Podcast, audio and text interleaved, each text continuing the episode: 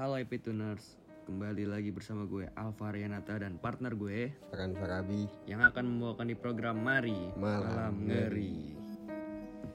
Kos, Apa? lu ada cerita apa nih kali ini nih Kos? Nah, di episode kali ini Matt, gue pengen bawain cerita horor yang sempat viral nih Matt. Soalnya nih, cerita horor belakangan ini kembali lagi viral nih Matt dan menjadi perbincangan publik khususnya di dunia maya dan sosmed. Cerita apa aja tuh horornya? Ya, seperti kayak cerita kakak desa penari nih Matt Oh, yang gue pernah sempat dengar tuh yang awal-awal viral banget. Iya, sempat booming. heboh tuh. Jadi trending topik lah pokoknya di Twitter. Sampai-sampai dibikin film layar lebar di bioskop kan. Udah keluar belum sih filmnya? Udah lah, udah lama. Emang udah? Udah, tapi gue belum sempet nonton sih, jujur aja. Kasian Nah. banget dong. Kadang gimana ya, meskipun kita nggak mengalami kejadian itu, Met ya, dengerinnya juga udah serem tahu sebenarnya. Dengar ceritanya aja Iya udah ngeri, takut ya. merinding. Pagi kalau sampai nonton film ya kan yang dijadiin film tuh. Kayak seakan-akan kalau kita di situ ngebayangin ya Ya sih? lu situasi lu. Iya, di situasi kayak gitu kan. Kita mau ngapain? Gua Kita harus sih- gimana? Apalagi, gak pernah kepikiran sih. iya apalagi lu tahu diri di Indonesia kan emang dikenal Banyak mistisnya. ya rame banget tuh sama kejadian mistis. Nah, cerita horor tuh semakin menarik nih Matt kalau kita bahas kisah mistis bangunan-bangunan tua. Salah satu seperti di Menara Saidah. Di Menara Saidah tuh Kos. Nah, masyarakat Ja- Jakarta sudah tidak asing lagi dengan cerita horor yang kerap terjadi di Menara Saidah yang Siapa yang nggak tahu yang Menara Saidah ya? Jakarta Pancoran Jakarta Selatan. Dekat rumah kita dong. deket sebenarnya sih kayaknya belum udah masuk pancoran emang itu ya Setahu gue masih Cawang deh. Ini M- MT Haryono ya pokoknya itulah mungkin kita salah tempat eh salah nama nah semenjak kosong lagi nih dan tak berpenghuni bukan ber- emang iya maksudnya udah nggak ada yang nempatin Ngisi. eh ngisi lah ngisi lah. menara ini kabarkan menjadi tempat yang penuh dengan kisah mistis Bahkan berapa bulan yang lalu kisah mistis Menara Saida kembali terdengar ketika baik cerita dari pengemudi ojek online yang kerap Ojol. mendapatkan order dari menara tersebut. Padahal udah nggak ada isinya dari tahun kapan tuh kos ya? Da- dari Udah- kita lama banget ya. Ya, kayaknya dari gua kecil dah. Emang iya. Iya, tapi kira-kira kalau ada yang mesen siapa yang mesen kan? Serem juga. Makanya. Nah, seperti salah satu kisah yang diceritakan oleh warga sekitar nih, Matt. Ada. Jadi, pengemudi ojol itu dapat order dengan lokasi penjemputan di Menara Saida. Hmm. Tetapi nomor pesanan yang tertera tidak dapat dihubungi. Bahkan nih, Matt, ada juga pengemudi ojek online yang dapat order makanan yang ditunjukkan untuk seseorang yang tinggal di lantai 16 gedung tersebut.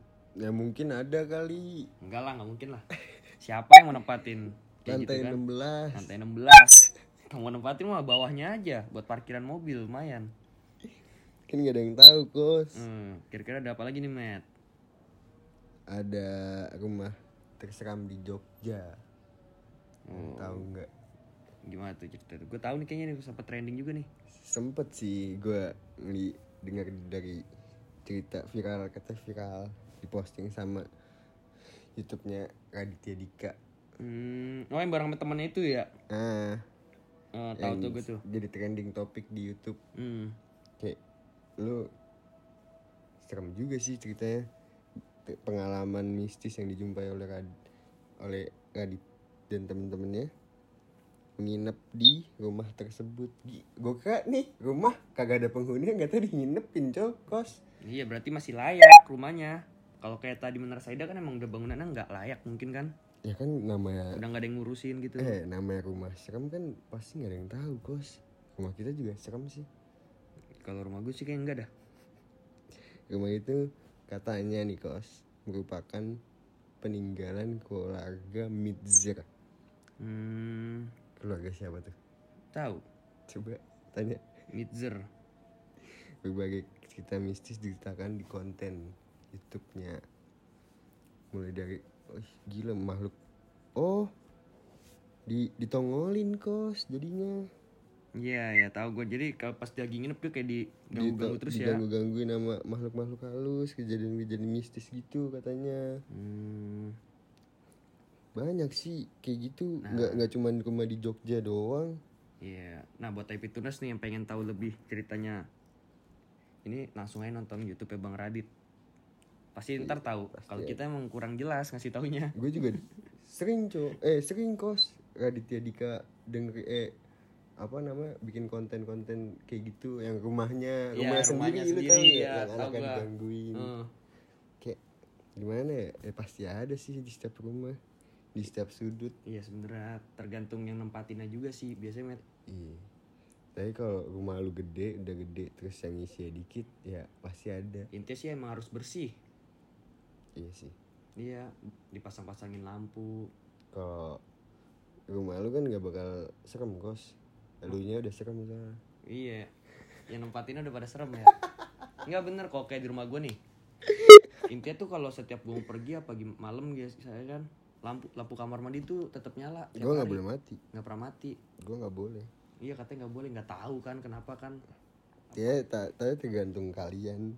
Iya, gimana efektivitas kalian juga kan. Mungkin kan orang-orang dulu kakek nenek gue kan. Gitu loh.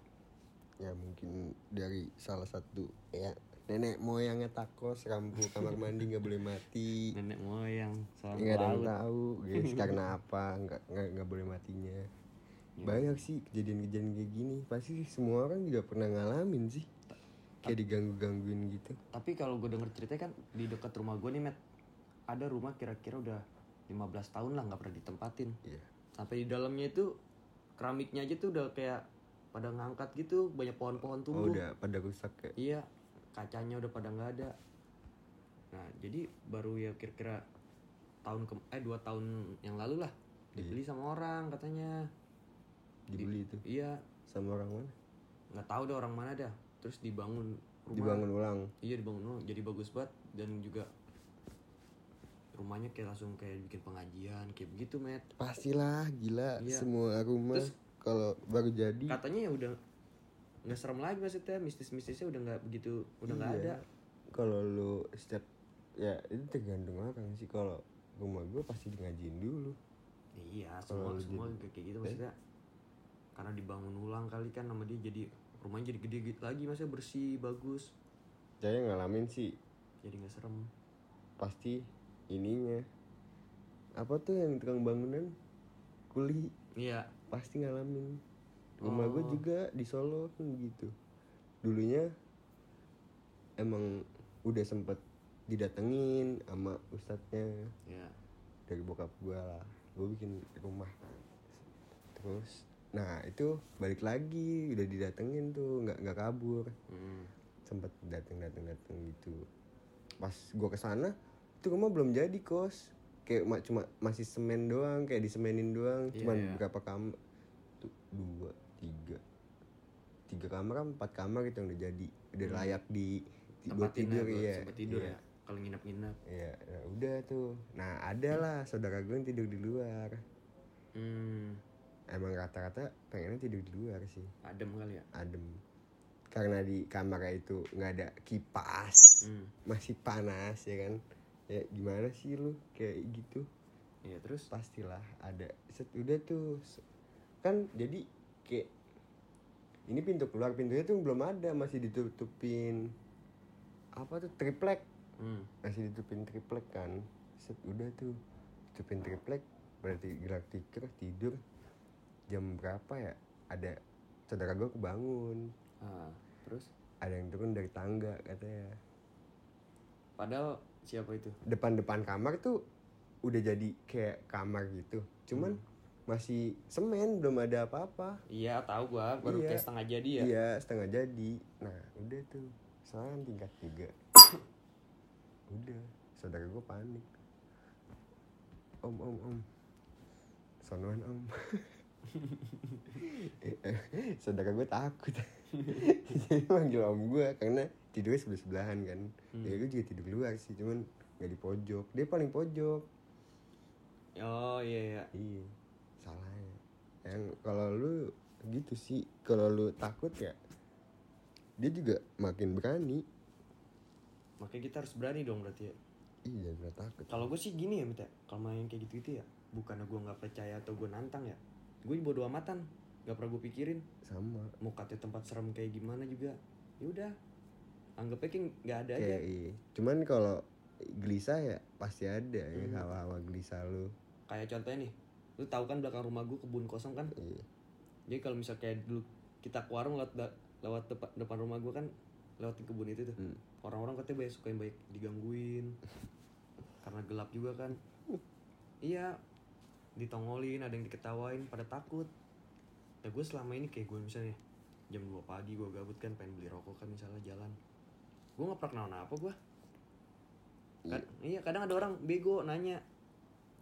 Misalnya kos lu kalau tengah malam itu emang gak takut apa? Nggak pernah diapa-apain. Ngapain gue takut? Setannya juga CS setannya juga Ah, itu kebun belakang rumah gua. Langsung sama kamar mandi gua, dapur gua. Ya tiap hari ngeliat gua lah ya. Iya, apalagi gua tiap hari lewat jalanannya dia Iya. rumah gua kan deket kuburan lu lagi Tapi kalau kita nongkrong dari luar ya, Met ya. Gua kalau nganterin lu balik. gak ada segen juga ya. Jam tapi waktu itu ustadz gua ngomong kos Hmm. Eh, jadi ada yang megang kepala di situ tuh orang Belanda Hmm, yang megang kuburan deket rumah gua Iya, hantunya itu. iya orang Belanda tinggi 2 meter sambil megang kepalanya Ini kayak hantu jeruk purut ya. pas itu pas takbiran kalau mau tahu pada minta tolong tolong diceritain pada kan ada pagar tuh ya kan namanya kuburan pasti ada lah Hmm. ih megang-megang tolong tolong itu juga takut Ih, sih serem banget ya. gue kalau keluar dulu nih ya kalau gue keluar jam-jam segitu liat kuburan gue juga segan Hmm, iyalah. Eh, siapa lu liat kiri kanan kosong kiri sekolah Kosong malam. iya nggak ada yang nempatin itu ku sekolah juga lu nggak tahu isinya apa aja Nah, kecuali kiri coffee shop. iya nongkrong gue Iya, nongkrong. Pagi si kirinya ituan, warkop. Beli tuan. beli good day Minuman andalan, kubim susu. Eh, serem juga sih kalau rumah lu deket kuburan gitu kayak mau ke mana-mana susah udah gitu kan sekarang depan rumah gue di portal ya mau nggak Akses mau lewat situ doang ada ya kan? Tapi kan Iya. ada, lu masih mending ada yang jagain. pala lu kayak udah nggak ada Yang di ujungnya yang udah nggak ada portal gedenya. udah nggak ada Ya, terus kalau digembok gimana? nggak bakal digembok udah diplong aja gitu Oh. nggak mungkin Soalnya kalau zaman dulu gua lu masih kalau nongkrong nebeng sama gua kan iya dulu yang nongkrong banyak gitu bawa bapaknya. enggak sekarang udah nggak ada Iya. Ah, tapi deket lah. gang gua aja juga udah nggak ada soalnya akses cuma di situ doang kalau gua mau keluar dulu ya mau gimana lagi ya Iya sih. Sama kalau dibilang sempat viral itu yang deket rumah gua, Met, yang depan lapangan itu. Itu udah pohon tuh gede banget. Eh, nggak bisa ditebang Ditebangnya susah katanya. oh iya Iya. Itu udah ibaratnya zaman kapan itu zaman apa ya? Gue SD apa? Gue belum main dong sama lu Belum. Iya, belum lah. belum lah Dulu kan dulu ada lapangan bola gede ya kayak ada perseni gitu, Met. yang deket danau itu ya Iya, waduk iya di pinggiran situ kan dulu ada pohon gede banget ya. Hah? Ada korban meninggal tahu di pohon situ. Lagi main bola. gue serem banget Mas. Ya nggak taruh. Sebenarnya sih gua nggak gimana ya? Gua nggak nggak ex nggak expect yang nggak percaya sepenuhnya kalau karena Nggak gara-gara itu pohon serem. Hmm, dia meninggal.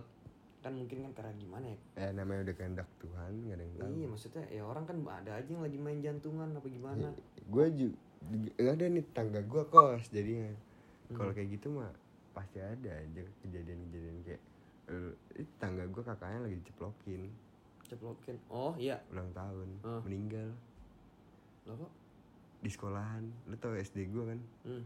eh iya maksudnya ceplokin kok bisa kepleset kepleset ternyata hujan. Ya ampun. Pasti ada namanya juga kehendak Tuhan nggak ada yang tahu guys. Iyalah. Apa pun bisa terjadi. coba ya. lu kayak lagi ngapain aja juga. Misalkan lu meninggal ya udah meninggal. Iya. Bukan karena salah siapa pun. Makanya lu kalau ada orang meninggal kaget jangan pernah ngomong kayak gini misalnya. Misalnya diginin lu met. Met terus itu meninggal ah masa kemarin masih hidup? Kemarin meninggal. Iya tadi. orang meninggal tadi. Iya aneh aneh. Kadang-kadang orang aneh-aneh ya. Iya gue juga hal mis banyak di rumah gue kalau ini. Gue kan sering ini ya kan ngeliat tangga. Ya bodo amat gue setiap gue pasti ada ya mungkin nggak ada. Iya sebenarnya guys rada bercanda-canda dikit ya nggak apa guys. Soalnya merinding juga nih kita nih. Iya. jadi takut gue sekarang udah jam setengah satu. Aduh. Gimana juga kan mau balik. Bingung. Lewat kuburan. Iya. Masa ini di, di rumah lu nih kalau di rumah gue bodo amat. mau balik. Gue juga takut dong dan gue nginep kalau kayak gitu. Iya. Bingung ya guys ya gimana cerita apa lagi kita ya udah banyak banget kos. Ya kali guys ya karena ini udah malam juga nih. Gue pulang nih guys. Bener gue Balas mau pulang. Gue ke bawah suasana met. Jadi takut gue balik iya. Iya. Ya lu ntar dijagain lu suruh megangin kepalanya. Lu nganterin gue sampai depan dah? Iya. Met please apa ayo deh gue anterin. Yaudah ayo ya. buru-buru dah. Udah ya guys ya. Yaudah guys ya makasih nih. Kalau mau dengerin cerita kita kalau emang taruh ada requestan lagi apa gimana? Request aja guys. DM. DM ke IG at radio IPFM